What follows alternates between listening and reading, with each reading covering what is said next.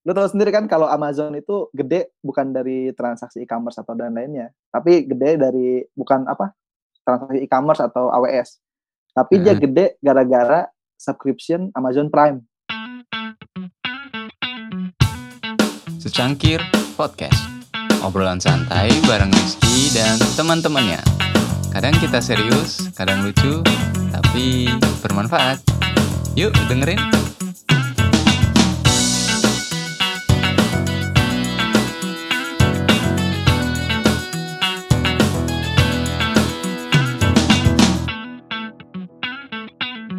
Cek, cek, cek, cek, cek Halo, Assalamualaikum warahmatullahi wabarakatuh Selamat pagi, selamat siang, selamat malam, atau selamat apa pun buat Sekpot, pendengar setia Sesangkir Podcast. Selamat datang kembali bareng gue Rizky di sini.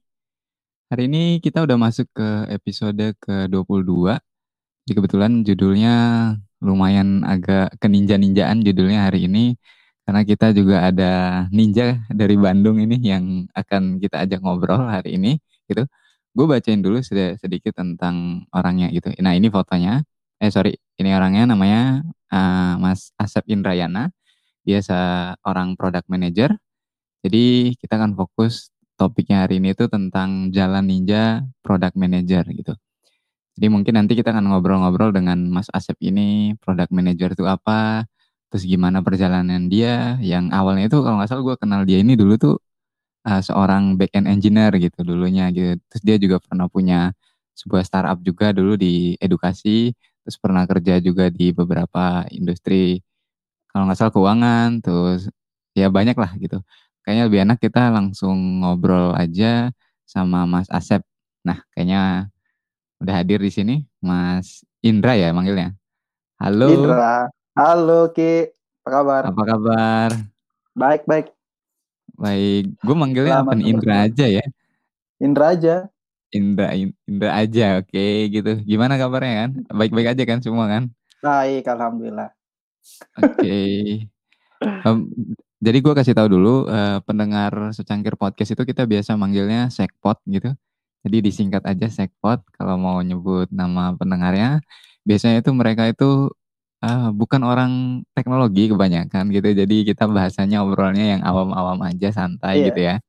Oke, Gak usah sip. terlalu spesifik lah. Iya, betul gitu.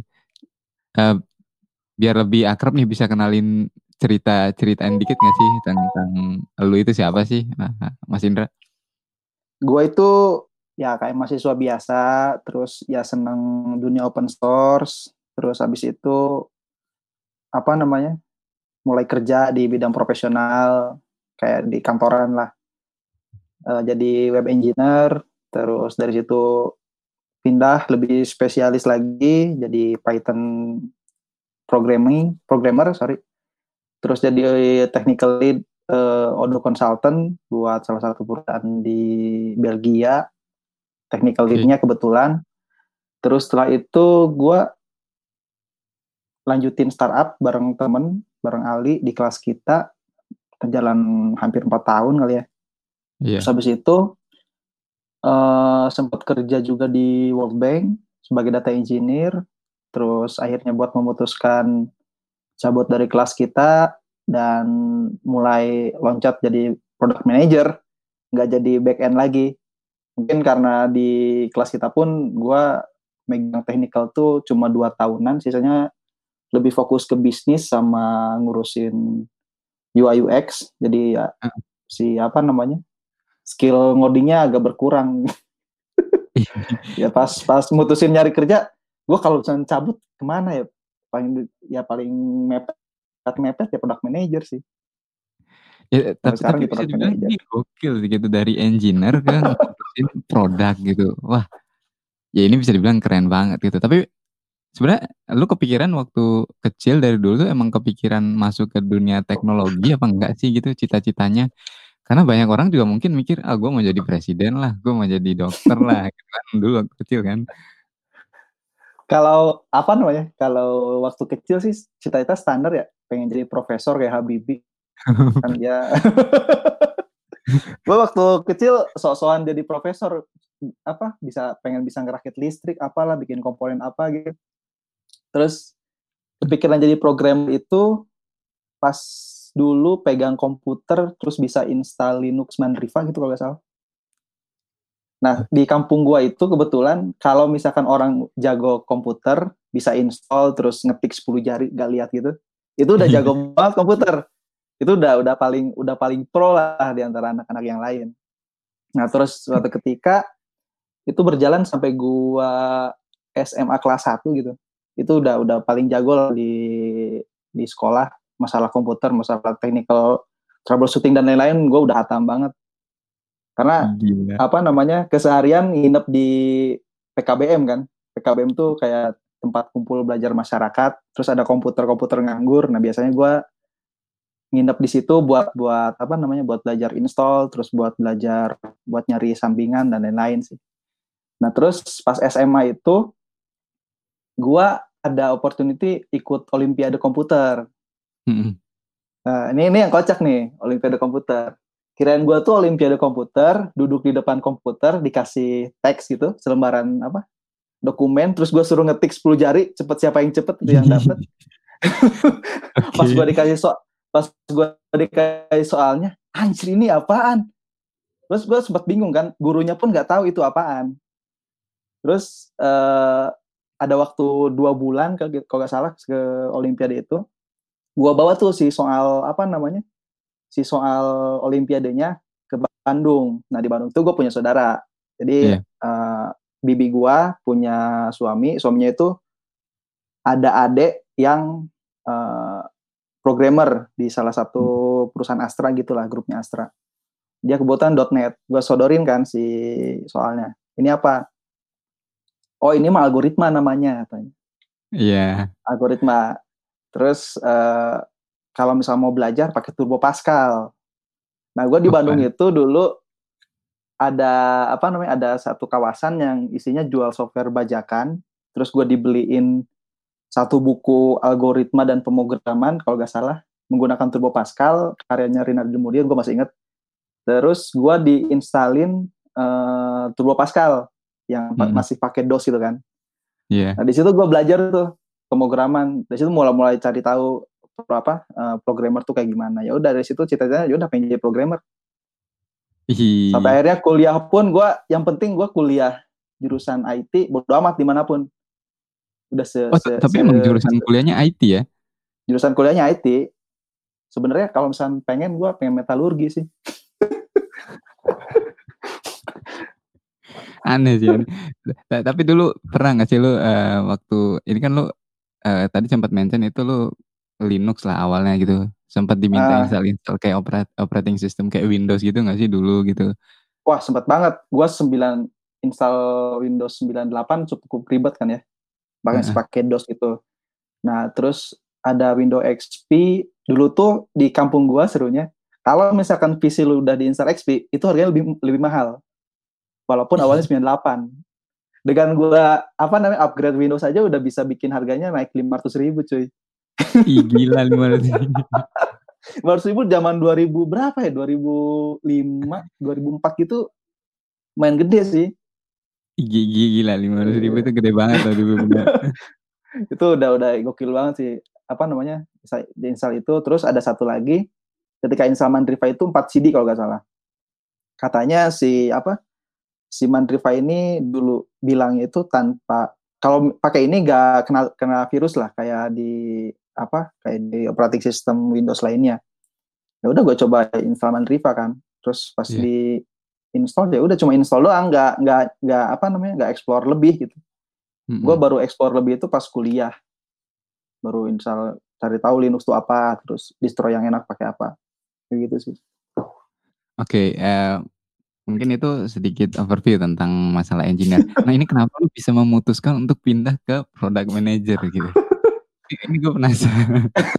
Kaget ketika ngeliat sosial media lu, ini orang kenapa ngobrolinnya soal user experience gitu, soal interface dan lain sebagainya. Kebanyakan produk sekarang gitu apakah itu karena lu uh, sebelumnya kan di kelas kita kan gitu kan? Uh, bisa mau nggak mau karena foundernya itu ngurusin produknya the whole product nggak cuma iya. ngurusin yeah. engineeringnya. Apa karena itu dulu? Pertama karena itu yang kedua gue udah udah kayak apa namanya udah ketinggalan jauh soal teknologinya. Jadi kalaupun gue mau lanjutin karir di software engineer gue kayak harus ngejarnya lebih kejauhan gitu loh sedangkan hmm. jarak gue dari terakhir kerja sebagai data engineer ke apa namanya sampai gue mutusin cabut itu hampir setahun lebih dan itu cukup ketinggalan dan setelah tahun itu gue lebih ngurus kayak bisnis development terus uh, ngurusin orang-orang kantor sama ngurusin interface-nya karena kebetulan dulu tuh sempat kita sempat hire kelas kita punya apa namanya anak UI yeah. tapi dalam waktu bersamaan dia dapat opportunity buat kuliah di ITB dapat beasiswa LPDP gitu sih. Jadi kayak kebagi-bagi waktunya gak fokus akhirnya mau gak mau gue yang terjun gitu. Ya udah dari situ gue coba cari-cari ini kayak gini tuh kerjanya apa sih? Lihat oh product manager ya udah gue cari tahu apa-apanya. Ya gitu Tapi sih gampang kan, gampang kan transisinya apa? Susah banget gitu. Karena nggak semua orang bisa loh dengan mudah transisi ke product manager ini tubihannya sampai sekarang gue masih sulit transisi sih karena mindset gue technical banget ya jadi kalau mm -hmm. misalkan ada technical yang nggak sepaham sama gue kayak gue pengen benerin gitu padahal kondisinya gue nggak bukan hak gue bukan di situ gue cuma bisa menengahin doang apa yang dimau engineer apa yang dimau uh, desainer terus apa yang mau stakeholder gue terjemahin jadi sebuah solusi kan atau yeah. ya iya. sebuah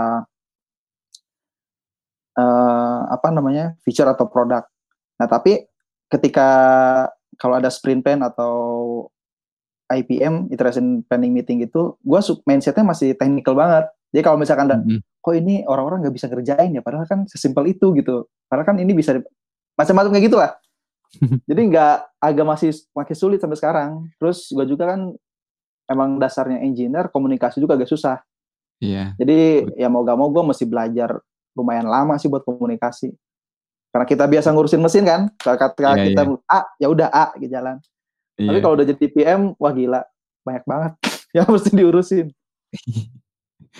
Tapi tapi lu sempat mikir gak sih kok kayaknya uh, enak banget hidup gue gitu udah nggak ngoding gitu. Sempet mikir gitu ya. Gue juga ngerasa kan gue sempat ngoding gitu kan dulu gitu kan sempat ngoding juga udah pindah gitu.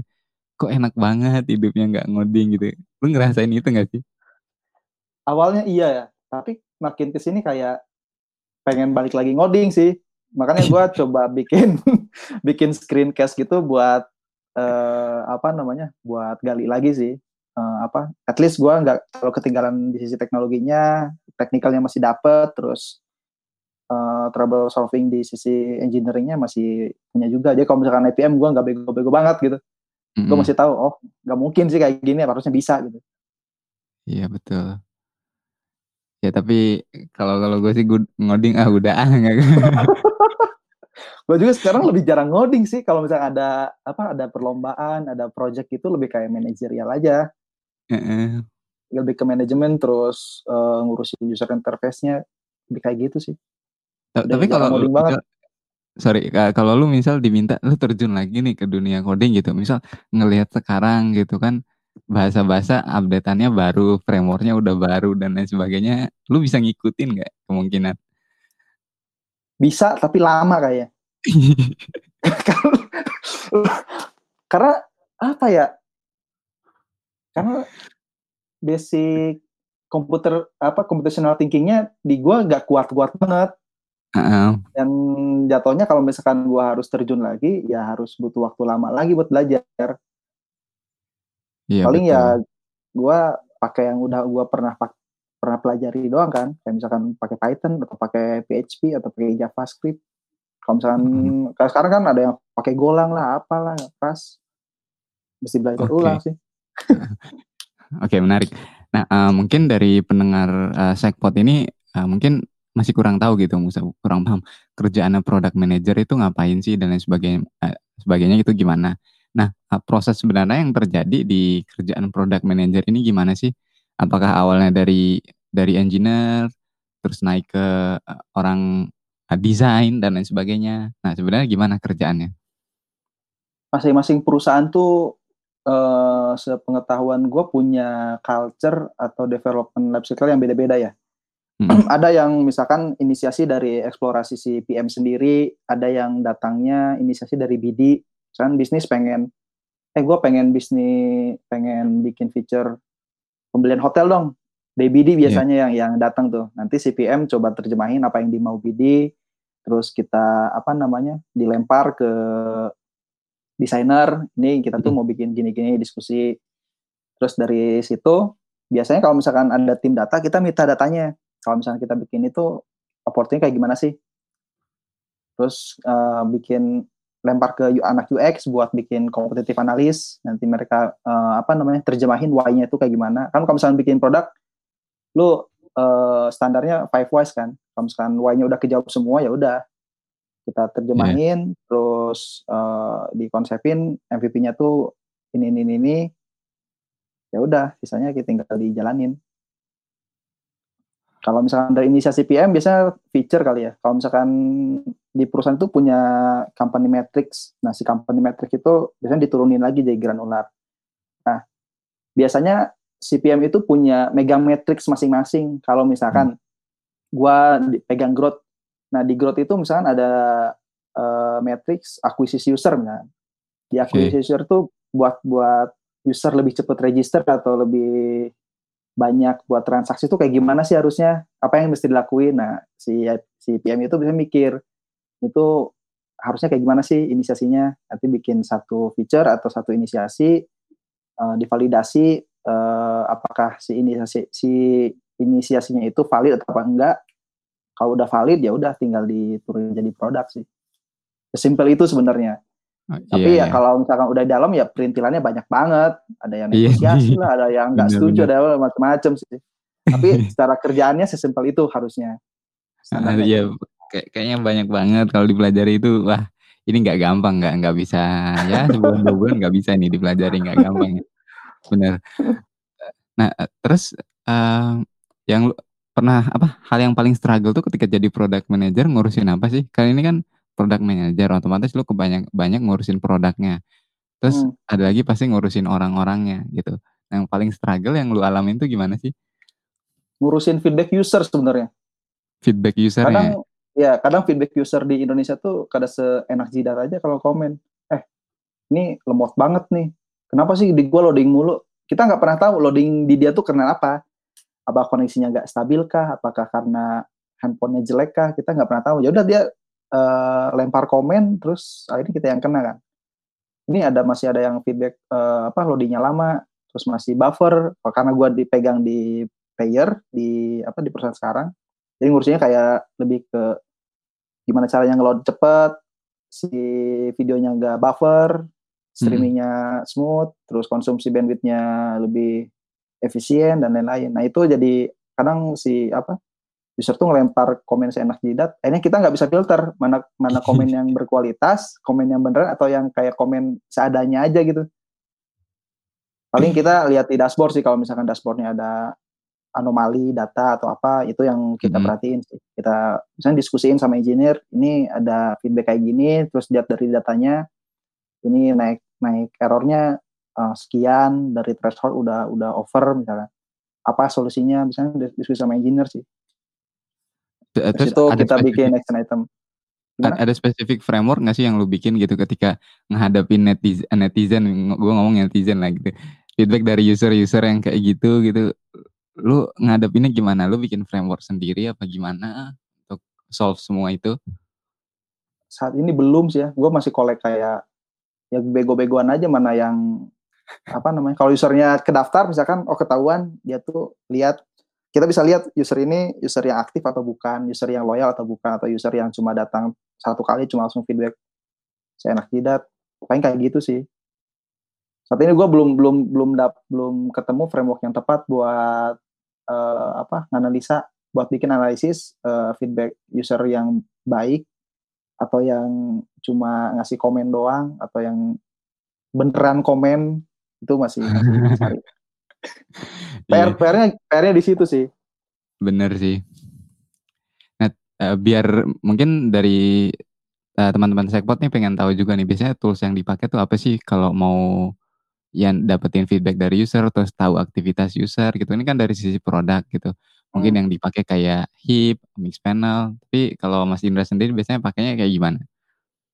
Kalau di sisi UX-nya uh, itu biasanya pakai heatmap ya. Heatmapnya bebas hmm. sih mau lu pakai Hotjar atau pakai yeah.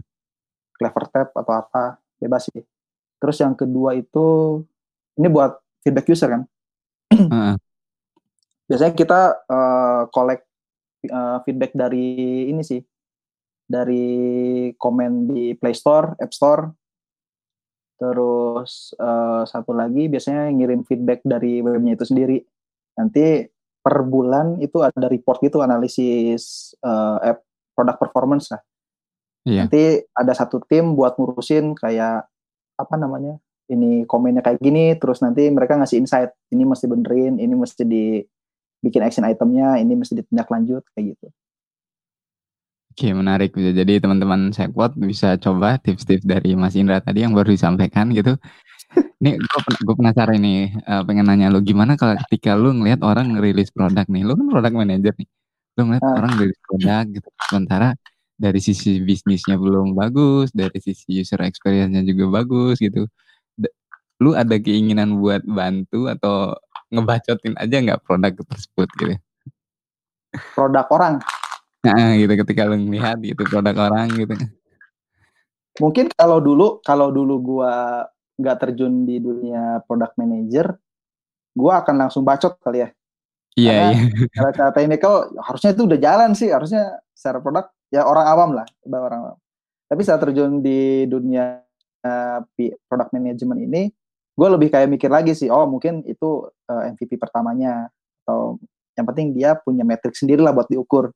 Kayak misalkan uh, lu bikin uh, e-learning platform misalkan ya cuma ngelisting apa namanya aggregation konten doang. Ya bisa jadi itu MVP pertama dia buat ngevalidasi apakah idenya itu valid apa enggak. Terus matrix yang diinginkan kecapai apa enggak. Paling gue bakal lihat sih doang sih bakal lihat gimana si produk itu jalan, terus perkembangan kayak gimana, iterasinya kayak gimana, secepat apa dia apa improvement produknya. Biasanya dia kan kalau misalkan rilis itu ada ada kasih label beta atau alpha atau apa gitu internal test dan lain-lain. Biasanya gue lebih lebih kayak lebih merhatiin sih, nggak langsung hmm. bacot ah ini gimana sih nggak kepake produknya. Mungkin gue bakal coba lihat dulu coba dulu ini maksudnya apa terus kalau ada halaman about kita lihat apa tujuannya produk dibikin tuh apa sih? Lebih kayak lihat apa ya? Lebih mikirnya agak bener aja sih. Ketimbang kita dulu gak jadi PM kan kayak ah apaan sampah nih produk gitu. kalau sekarang kalau sekarang lebih mikir oh mungkin ini MVP-nya kita lebih lebih lebih empatinya lebih tinggi lah. Mungkin dia butuh feedback atau apa Terus kalau lu ngeliat nih produk-produk yang dirilis oleh startup-startup gitu yang baru, terutama di Indonesia itu lu ngelihatnya mereka ngelaksanain nggak sih uh, jadi prosedur uh, nge-build produk yang benar sampai user experience yang bagus gitu. Mereka itu kalau lu lihat nih dari sisi lu kan yang product manager, hmm. ngelakuin gak hal itu? Uh, kayaknya ngelakuin semua ya, tapi mungkin uh, best practice-nya nggak dilakuin. Kayak misalkan uh, lu punya apa perusahaan yang cuma isinya lima orang lu nggak bi lu nggak bisa uh, ngerealisi ngerealisasiin best practice-nya itu 100% di perusahaan lu. Pasti cuma cuma ya 20% 30% yang penting produknya jalan aja dulu. Uh-huh. pasti pasti di mereka ketika rilis produk yang udah step kedua udah udah udah mature sih soal apa development prosesnya. Tapi untuk yang perusahaan-perusahaan kecil mungkin dari 100 persennya ya cuma 10 persennya yang dilaksanain. Oke. Nah, uh, mungkin lu ada saran buat teman-teman chatbot, jadi mungkin mereka mau bikin produk gitu atau ya tech startup nanti gitu. Enaknya tuh mereka uh, bikin dulu, misal MVP dulu terus rilis atau nunggu semuanya jadi dulu baru mereka rilis gitu yang penting kita tahu tujuan produk itu mau dibikin mau ngapain. Ya, ya intinya kan hmm. uh, ketika lo bikin sesuatu itu lo pengen solving suatu problem kan. Yeah, yang betul. penting ketika lo bikin sesuatu ya solve nggak dengan dengan apa yang lo buat. Kayak misalkan lo pengen bikin uh, apa namanya? Karena Zoom privasinya keganggu misalkan, gimana caranya lo nyediain uh, conference yang mirip kayak Zoom ya gak usah neko-neko yang penting bisa kayak uh, apa komunikasi dua arah terus privasinya ke protect itu aja simbol that kayak gitu.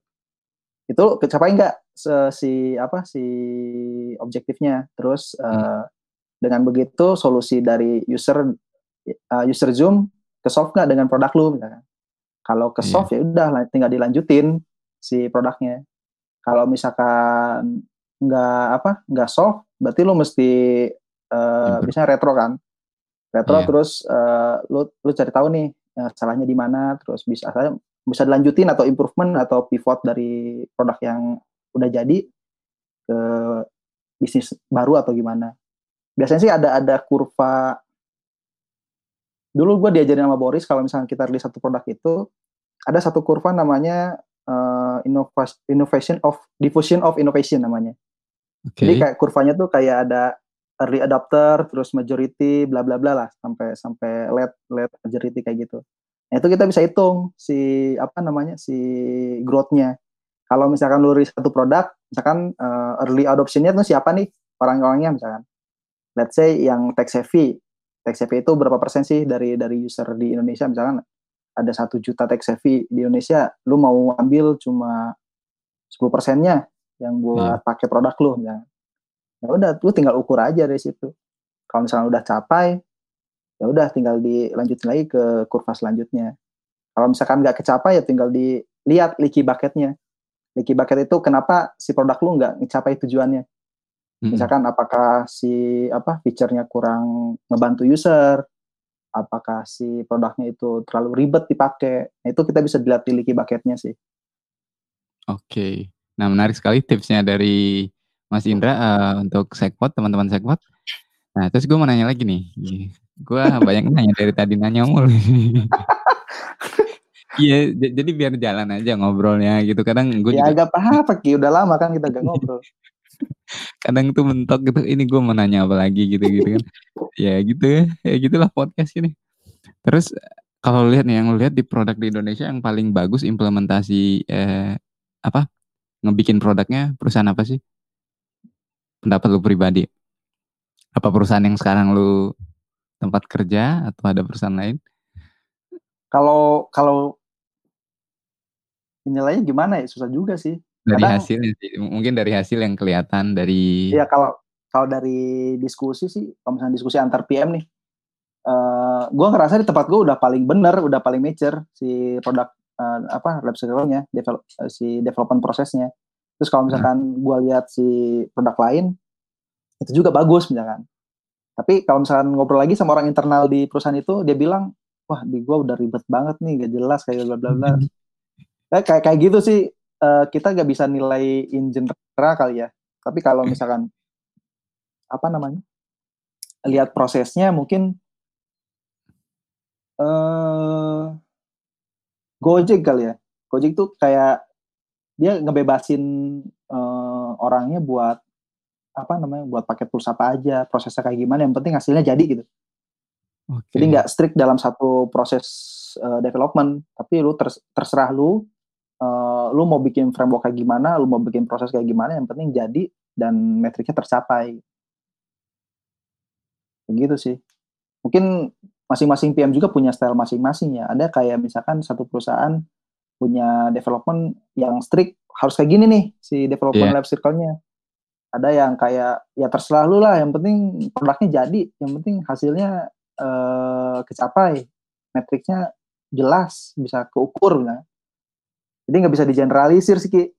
Yeah, Pasti yeah, yeah. masing-masing PM, masing-masing perusahaan punya versi masing-masing. Mm, ngerti. Oke, menarik sekali obrolannya. Terus gue gue mulai lagi nanya, ke, ke, lu udah ngerasa suntuk gak di product manager sekarang? Apa seperti dulu di engineering lu udah suntuk terus pindah ke product manager? Suntuk sih ada mungkin ya. Mungkin di di satu fase mungkin ada ada waktu suntuknya. Tapi apa namanya kalau misalkan kita agak curious terhadap si terhadap produknya sendiri ya suntuk pasti bakal selalu datang sih. Yang penting mm -hmm. kita tahu dulu nih yang kita pegang tuh apa sih? Maunya tuh apa? Perusahaan tuh dengan dengan produk yang kita pegang tuh eh, harapannya apa? Itu yang kita bisa gali sih. Selalu selalu apa namanya? Selalu cari tahu uh, apa yang bisa diimprove apa yang bisa dibantu. Intinya kalau misalnya kita nggak tahu bener-bener produk yang kita pegang ya pasti suntuk sih. Menurut okay. gue sih ya kalau misalnya yeah, lu yeah. cuma cuma kerjain SEPM terus ya kayak ya ya udahlah proyeknya kayak gini pengen gini ya gue kerjain pasti suntuk sih tapi kalau misalnya lu udah tahu bener-bener nih si produknya lu bisa otak atik tuh si produk biar jadi yang biar jadi yang terbaik atau yang bagus menurut lu Oke, oke. Ini kan ngomongin jalan ninjali juga nih sebagai product manager nih gue. bisa dibilang kalau di product manager lu kepala sekolah ninja lah sekarang gitu. Ada kepikiran nggak lu uh, mungkin pindah jadi Hokage gitu atau apa gitu level berikutnya setelah product manager gitu? Atau lu memilih untuk retire setelah sampai di sini aja gue pengen sampai product manager apa gimana? Nah ini yang yang yang cukup yang cukup aneh dari gua. Gua nggak pernah ngejar karir pet ya. Uh, iya. Gua nggak peduli. Gua mau jadi senior product manager kayak mau jadi head product manager atau mau jadi si VP atau si level. Yang penting gue bisa belajar banyak. Gue masih bisa belajar. Itu udah cukup bagi gue. Gue gak, okay. gak bukan tipikal yang kayak ngejar-ngejar karir pet sih sebenarnya. Mm. Bagi gue yang penting gue masih bisa belajar. Gue masih bisa apa namanya dapat koneksi itu udah udah udah memenuhi apa namanya hasrat gue untuk bersosialisasi sih. At least gue apa namanya uh, jadi PM ini pengen pengen lebih tahu sih uh, bikin produk yang bener tuh kayak gimana, terus manage uh, produk yang bener tuh kayak gimana. Terus okay. sebelumnya kan gue pegang produk kelas kita yang emang cuma tiga or enam orang ya, enam orang pun yang ngurusin bener-bener produknya cuma empat orang gitu itu hmm. Kerepotan juga sih buat nge-manage produk buat ngembangin produknya. Tapi setelah uh, jadi PM ini gue lebih kayak lebih terbuka sih apa yang mesti dilakuin kalau misalkan uh, bikin satu produk. Jadi lebih ya gue belajar sebanyak mungkin sih. Masalah karir pet itu ya nanti urusan apa usah lah gitu. Yang penting kita menikmati ya enggak gitu. Nah, kita menikmati aja kita kontribusi sebaik mungkin kayak gitu aja sih. Iya gue gue sering lihat juga kadang sosial media lu gitu. Wah ya emang orangnya gue lihat sih emang ya menikmati nggak nggak terlalu mikir gue harus sampai sini gue harus sampai situ gitu. Emang pribadi yang ya bagus lah gitu. Gue lihat Mas Indra ini gitu. Nah buat mungkin nanti kan mau cari-cari gitu kan mau nanya-nanya gitu. Ya cari aja Mas Asep Indrayana. Orangnya kalem banget. Pokoknya asik lah diajak ngobrol gitu oh iya terus yang yang tadi lu sempat mention yang kelas kita itu masih bisa dipakai nggak sih nah, gue penasaran nih kelas kita masih bisa dipakai masih bisa dipakai tapi kan pas gua dua, dari 2016 eh, 2017 pertengahan itu gua pivot ke SAS kan ke software as a service. Jadi nyediain platform e-learning buat orang-orang yang pengen punya e-learning tapi malah ngedevelop aja sih. Intinya kita pivot jadi SAS, terus jadi subscription base, awalnya kayak one time payment di marketplace-nya kelas kita. Uh, terus kita pivot jadi SAS, ya udah bisnisnya kencang di situ sih. Iya emang kencang sih di situ. Gue lo juga ngerasain kan kalau bikin e-learning itu kenceng banget. Apalagi bikin SAS dan SAS itu salah satu model bisnis uh, eh sorry. Kalau subscription itu salah satu model bisnis yang gampang diukur sebenarnya lo tinggal cari user sebanyak mungkin terus maintenance ya udah itu yang bakal lo dapet lo tau sendiri kan kalau Amazon itu gede bukan dari transaksi e-commerce atau dan lainnya tapi gede dari bukan apa transaksi e-commerce atau AWS tapi hmm. dia gede gara-gara subscription Amazon Prime. Oh Prime-nya ya? Iya sih benar sih. Amazon Prime-nya. Lu bayangin aja hampir 80% user Amazon itu subscribe Amazon Prime. 10 iya. dolar men. Misalkan kalau user Amazon itu 80% itu 800 ribu orang, eh 800 juta orang, lu kalian 10 dolar, mungkin nggak sebulan. Iya, iya, iya. Gila sih. Iya makanya subscription ini bisa dibilang wah, wah ini masa depan lah ya. Iya. Masa depan monetize. Monetize. Ah, terus kalau lu sekarang kalau lagi senggang-senggang ngapain sih? lagi senggang gitu? Kalau senggang ya gue paling baca-baca artikel terus sekarang lagi coba apa namanya uh, eksplorasi lagi. Kayak misalkan belajar belajar coding lagi terus latihan bikin UI atau baca-baca tentang UX habis itu mungkin uh, pengen bikin produk kecil-kecilan lah. Buat ya buat exercise aja apa yang gue udah pelajarin terus gue terapin di produk yang gue bikin Iya seru sih. Gue gue juga sekarang tuh lagi ya ngelihat timeline gitu. Kadang gue ngelihat ada project-project yang dari pemerintah kemarin yang kerja-kerja gitu. Gue pengen baca tapi gue mau kerja sama sama mereka gitu gitu. Jadi gue gue udah wah ini kan nanti kerja sama nih gitu. Gimana gue mau ngebaca dicari nggak gitu nanti kan.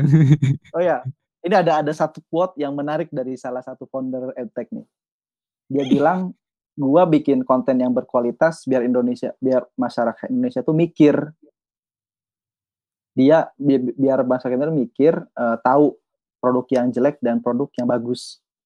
Oh iya iya iya benar benar. gak sih? Lo lo lo coba ngedukasi user, ngedukasi pasar dengan dengan platform lo, tapi buat bikin mereka berpikir supaya bis, mereka bisa milih. Oh ini bagus, oh ini jelek. Iya. Jadi dengan dengan gitu si marketnya bakal kebentuk dan at least ya dia bakal ngegrab sendiri sih tanpa harus iya, betul sih. bantuan siapa pun. Ketika orang udah bisa bisa mikir mana bagus mana jelek ya bodoh amat dengan marketing segede apa pun. Benar. Nah, tapi gue biasanya gue ini zero market budget gue zero marketing loh. Gue kadang nggak ada. gue juga dulu gue juga dulu pas uh, handle kelas kita kan zero marketing ya. Maksudnya nggak ya gak zero zero banget. Ada ada aja spend budget ya sebulan mungkin lima ratus ribu buat uh, advertising. Tapi yang gue lakuin itu gue gue coba jadi followernya si ruang guru. Karena ruang guru kan beberapa materi berbayar ya.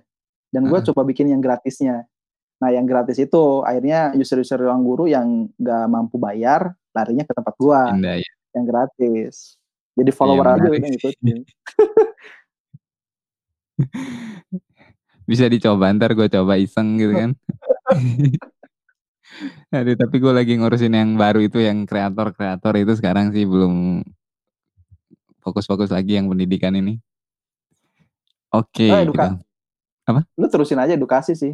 Bikin subscription yang murah-murah aja sih Ki. Kayak misalkan cuma 2 dolar sebulan.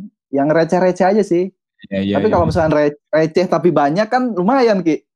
Lu bayangin iya, user cuma bayar sepuluh ribu, tapi satu juta orang Indonesia subscribe sepuluh ribunya. Kan nggak iya. kerasa sepuluh ribu sebulan. Itu ada sih itu, itu kemungkinan rilis juga akhir kalau nggak akhir bulan ini awal Juni nanti emang itu ada udah paid versionnya udah ada nanti. Oke. Jadi, jadi emang itu udah rencana subscription setahun ya mungkin seratus ribu, seratus lima puluh ribu kan lumayan tuh usernya udah sampai setengah setengah juta lah Kan lumayan. ya lumayan lah. iya makanya targetin aja tuh. gitu. Oke tadi yang waktu senggang terus kalau lu yang paling bikin lu penasaran sekarang ngapain sih? Ada hal nggak hal apa gitu penasaran? Mungkin setelah covid lu mau balik lagi ke mana dulu kayak Kazakhstan ya kalau nggak salah ya? Oh, paling gue pengen jalan-jalan sih, pengen ke Sumba. Ke tempat lu. Sumba ya? Eh ke lu Bima ya? Iya, Bima ke Sumba naik kapal sih, tinggal naik kapal. Iya, paling gua ke timur sih, pengen ke timur. Timur kalau enggak pengen pengen balik lagi ke India sih, ke Leh. Itu bagus banget. Iya, soalnya lu petualang banget ya gitu, dengan rambut gondrongnya. pengen jalan-jalan lah, udah sumpek. Iya, sumpek banget sekarang gitu. Nah, uh, ini gue uh, ngobrolin yang agak personal lagi, personal dikit lah gitu. Uh, ketika lu pindah nih dari engineer ke product manager gitu, hal yang challenging buat lu apaan sih dulu gitu? Challenging banget lah. Mungkin bisa dibilang itu, wah ini nyakitin banget nih gue sampai harus kayak gini lah, harus kayak gitu gara-gara gue harus pindah kerja jadi product manager gitu. Yang challenging banget buat gue sih komunikasi sih. Komunikasi. Iya, dulu kan gue paling nggak bisa ngomong depan orang ngomong hmm? apa ngelit meeting kayak gitu paling su sulit banget sih Maksudnya di kelas kita gue sering pitching, sering presentasi depan orang, akhirnya kelatih sih. Dari situ ya udah pas PM pas jadi PM pun yang paling sulit tuh ya komunikasi bagi gue. Kalau misalnya di mana-mana orang yang iya iya ya orang dari teknologi itu kenapa sih masalahnya komunikasi komunikasi karena lu karena lu berusaha buat buat ngertiin mesin kan dan mesin tuh gak ngomong. Iya lu gitu. coba coba nyari errornya apa terus solving isunya ya udah kelar. Tapi kalau misalkan lu jadi PM lu mesti coba dengerin lu banyak denger orang terus lu coba mapping apa yang dimau terus lu rangkai lagi jadi apa namanya solusi. Kayak gitu sih. Wah dari engineer tuh mungkin susah jadi pas ngobrolnya sih komunikasinya. Iya, tapi lu pindah posisi lu deh. Sekarang lu yang ngomong ke engineer gitu. Gue kadang aduh kok kesel banget gitu ngomong sama engineer kadang kok nggak nyambung gitu. Susah komunikasinya gimana gitu. Gimana lu kalau pindah posisi gitu? Kalau gimana tadi lupa gue? lu pindah posisi sekarang lu ngomong ke engineer gitu lu komunikasi ke engineer gitu sementara lu tahu sendiri engineer tuh kesulitan dalam hal komunikasi gitu oh kalau misalkan ke engineer gue alhamdulillahnya masih lancar kalau komunikasi, komunikasi ke engineer. Yang nggak lancar tuh kalau misalkan gue komunikasi ke desainer atau ke stakeholder.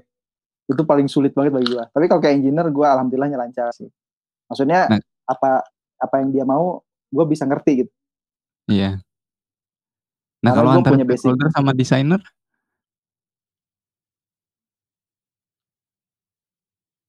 Kalau stakeholder sama desainer uh, uh, lebih ribet mana?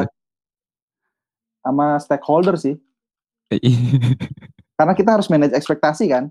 Iya, ekspektasi. Nah, gue suka-suka miss aja sama ekspektasi yang yang stakeholder mau.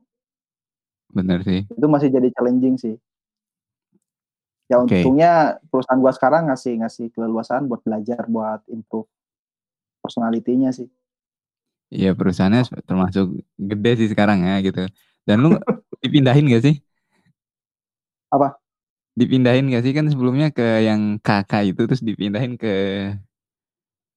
oh, yang baru gak sih ya dipindahin semua ya itu berarti kenanya semua semuanya. semua semua oke okay. Udah udah itu nggak usah dibahas.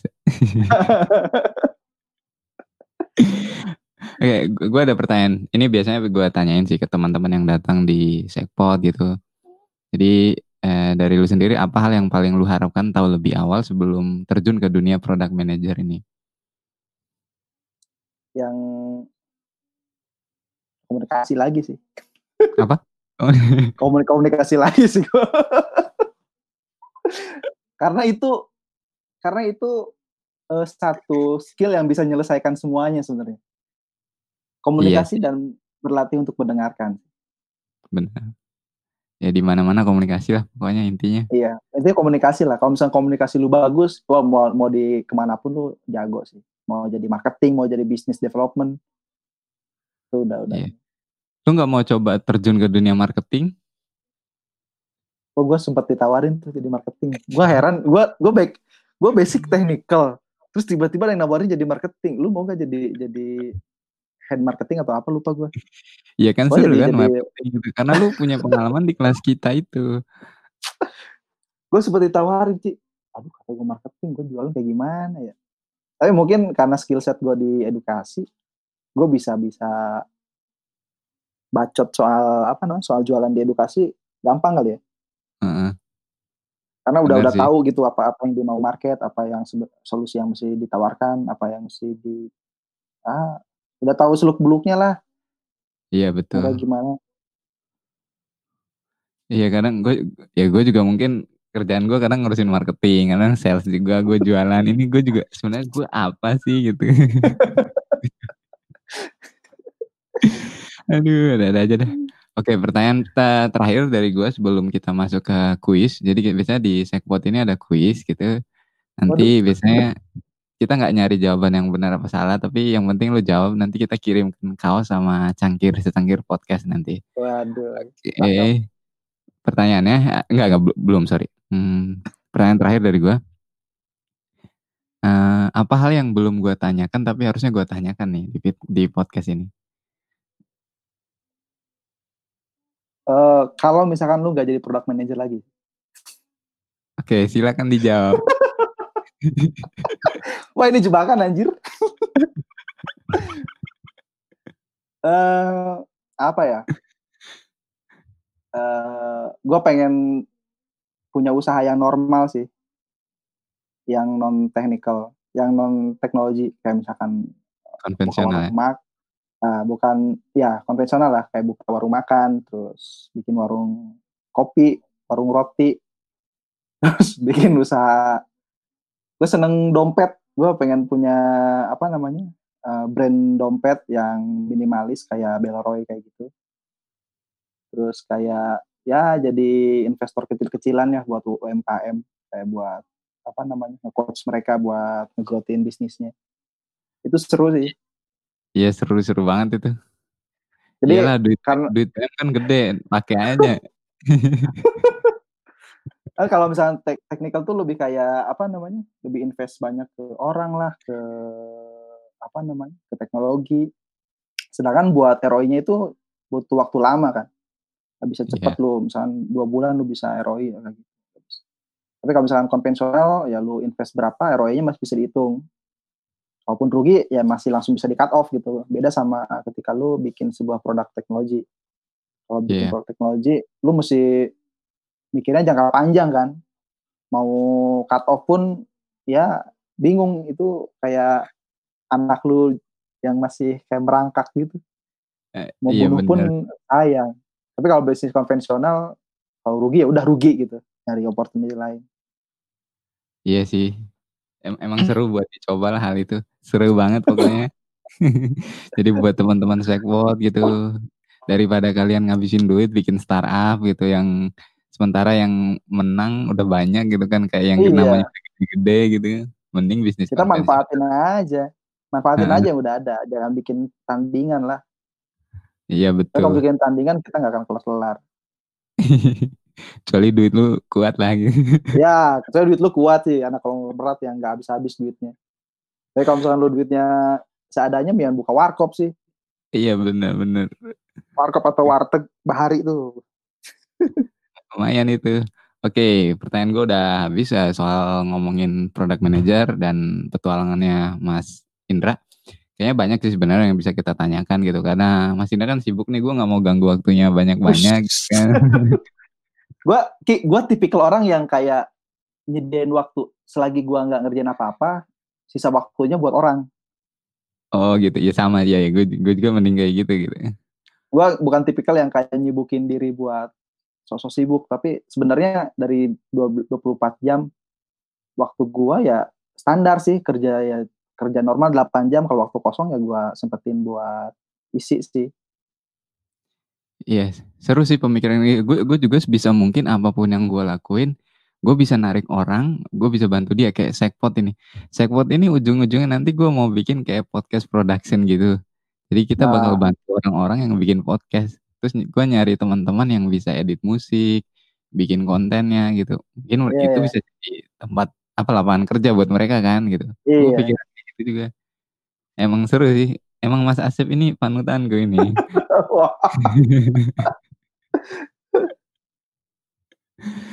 Oke, ya udah siap nggak buat kuis? Kita ada tiga pertanyaan nih biasanya untuk uh, kuis ini.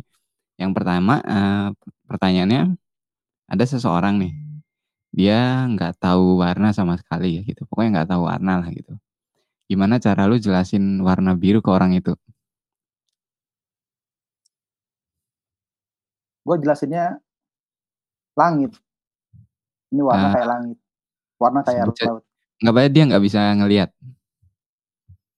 Nggak bisa ngelihat. Nah, berarti dia belum pernah ngelihat langit lah gitu.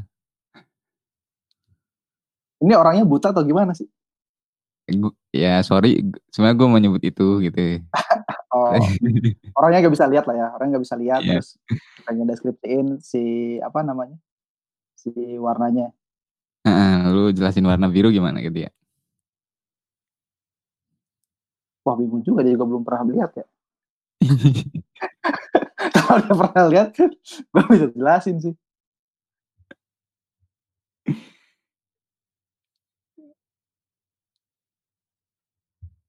Ini warna ini warna salah satu gue nyebutnya dia kenal kenal lagu pelangi pelangi gak sih?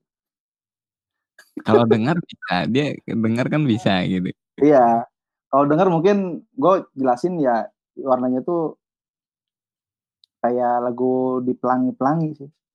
Ada merah kuning hijau di langit yang biru.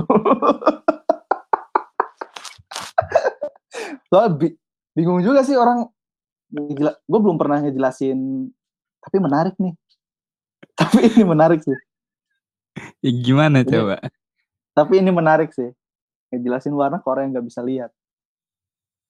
Ayo eh, gue gue nggak kasih sampel mungkin gitu. Uh, gue mau jelasin warna merah ke orang itu. Uh, lu rasain deh panas itu gimana api itu itu warna merah gitu gue pakai rasa jelasinnya ngerti kan? Oh panas gitu oh merah gitu. Kalau biru gimana? Ah kalau biru? Kalau kayak gitu berarti uh, eh, gue bawa batu es kali ya. Ini batu es. Dingin. Batu es ini dingin. Sejuk. Sejuk ya Ya bisa dibilang biru itu sejuk, lembut. Berarti cara lu uh, buat jelasin ke dia ngasih megang ngerasain batu es itu. Iya, paling nggak nggak megang sih, paling gua kayak apa namanya deketin batu es ke tangannya, nah itu biru. Oke, siap. gue nggak jadi yang benar apa salah, ya gue pengen tahu aja. Jadi dari 22 episode ini gue tanyain semua soalnya gitu kan. Gue tanyain jelasin warna biru gimana gitu ke orang yang nggak bisa lihat gitu. Beda-beda emang jawabannya kocak gitu. Ada yang jelasinnya. ya lu uh, siapa orang yang paling lu suka gitu. Uh, wanita mana gitu. Misal si A gitu. Nah itu warna biru gitu. Orang yang paling lu suka itu. Ada-ada aja cara orang jelasin. Iya, keren-keren sih. Nah ini pertanyaannya dapat dari mana Ki? Nyasar aja gue gue mikir gitu kan. Mikir mikir mikir ya udah. Mikir aja gitu kadang-kadang kan mikir kreatif gini kan ribet tuh gitu. Gimana yeah. cara dan sebagainya gitu kan. Kepikiran aja gue gimana caranya orang buta? Kita bisa jelasin warna ke dia gitu. Kalau nggak gini aja eh, warna biru lu dengerin kasih headset ke apa namanya ke orang buta dengerin. Kalau orang ngomong karakter karakternya suara kayak gini ini luar biasa ya bisa jadi. Dengerinnya por dengerinnya podcast ini cangkir apa cangkir kopi ya? Cangkir podcast. Nah itu cangkir jawabannya. Podcast.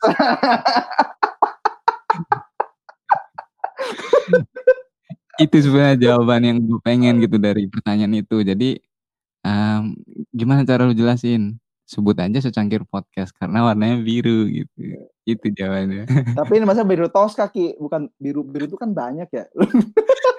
iya banyak yang bilang Tosca, aduh. Gue sebut kenapa? warna atau gimana sih? Tapi ini biru biru Tosca kan sebenarnya. Cuman lu cowok yang bilang ini biru Tosca. Kebanyakan narasumber cewek kita bilang Tosca gitu. Dan cowok lainnya cuman bilang ini biru gitu. Oh gitu ya? Saya kalau biru tuh ya kayak langit biru gitu biru. Iya. Iya ini emang biru gitu.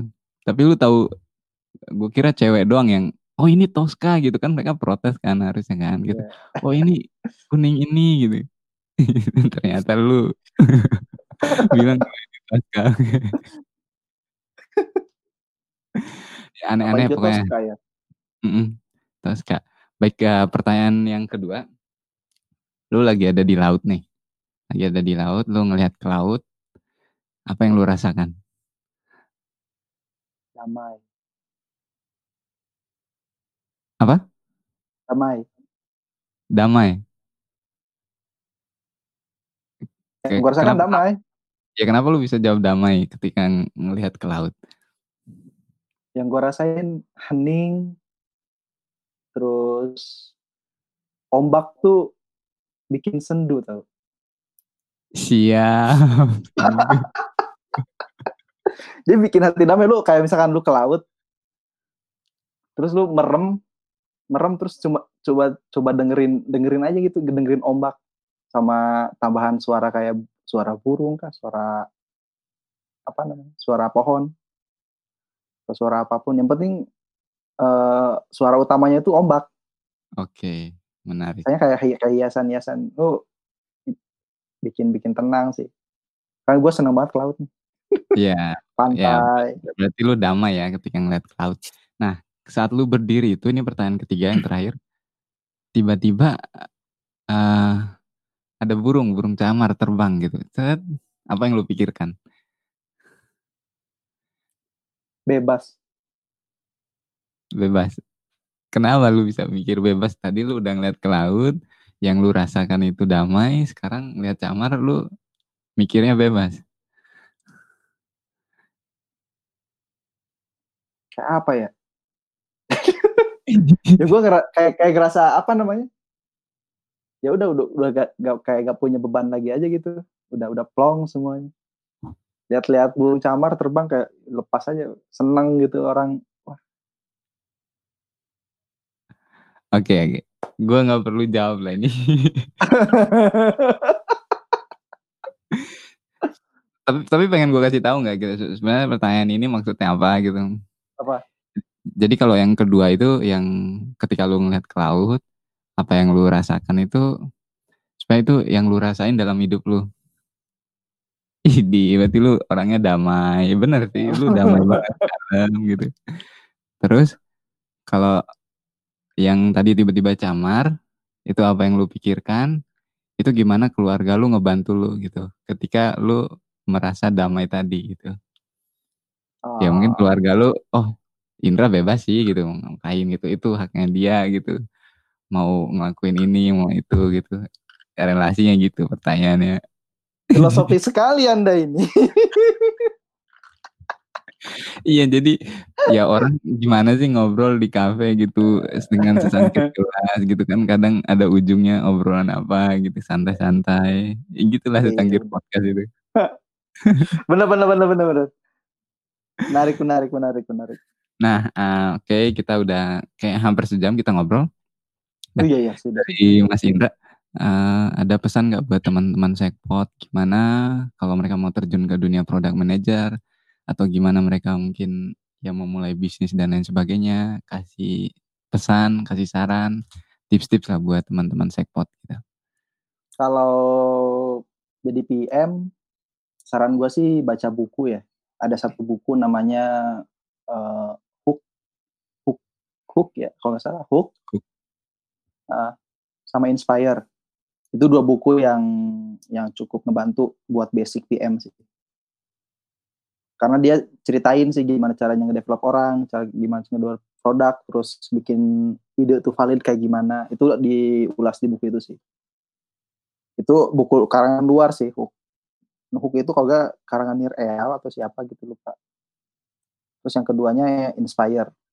Dua buku itu cukup sih buat buat ngebantu lu buat uh, terjun di awal jadi PM Terus kalau misalkan buat bisnis, menurut gue selagi lu muda, selagi lu punya finansial yang stabil, lu coba hmm. aja, coba coba bikin sesuatu atau coba gak ada yang salah, gak ada salah sih lu coba anggap aja itu uang yang lu keluarin itu uang belajar. Kalau yeah. misalkan uang yang dikeluarin itu uang buat ngasilin duit, berat sih.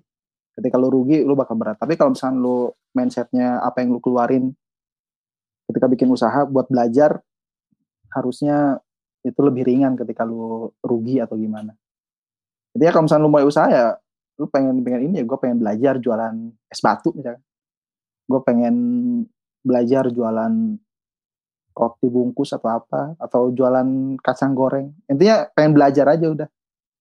Yeah. Dari situ kalau misalkan lu emang untung ya udah itu itu itu hasil jerih payah belajar lu Iya. hasil jadi kaya usaha lo. Panen lah gitu ya. Panen lah. Intinya lo lo motivasinya belajar aja udah. Siap. Ada tambahan lagi? Udah sih. Oke, siap. Thank you banget Mas Indra udah mampir di secangkir podcast gitu. Thank you banget udah ngundang. Iya, dan buat teman-teman Sekpot gitu, semoga di episode kedua-dua ini yang judulnya Jalan Ninja Product Manager ini punya banyak manfaat. Walaupun tadi kita obrolnya ya, kadang kita serius, kadang lucu, tapi kita harapannya itu bermanfaat buat teman-teman Sekpot. Nah itulah tujuan kita bikin Sekpot ini, bukan karena kita COVID dan lain sebagainya gitu, tapi emang Sekpot itu tujuannya dari dulu seperti itu gitu. Nah uh, sekali lagi thank you banget Mas Indra udah mampir di sama Mas Rizky. Siap, sampai ketemu lagi di episode atau hal-hal lainnya lah gitu. Sukses selalu ya. pokoknya. Bye. See you. Bye. Terima kasih sudah mendengarkan Secangkir Podcast. Jangan lupa favorit kita di Anchor.fm dan berikan review di Apple Podcast. Dan follow kita di Spotify juga. Sampai jumpa di episode berikutnya. Bye.